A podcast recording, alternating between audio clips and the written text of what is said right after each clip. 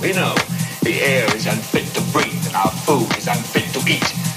We sit watching our TVs while some local newscaster tells us that today we had 15 homicides and 63 violent crimes, as if that's the way it's supposed to be. We know things are bad, worse than bad. They're crazy. It's like everything everywhere is going crazy, so we don't go out anymore.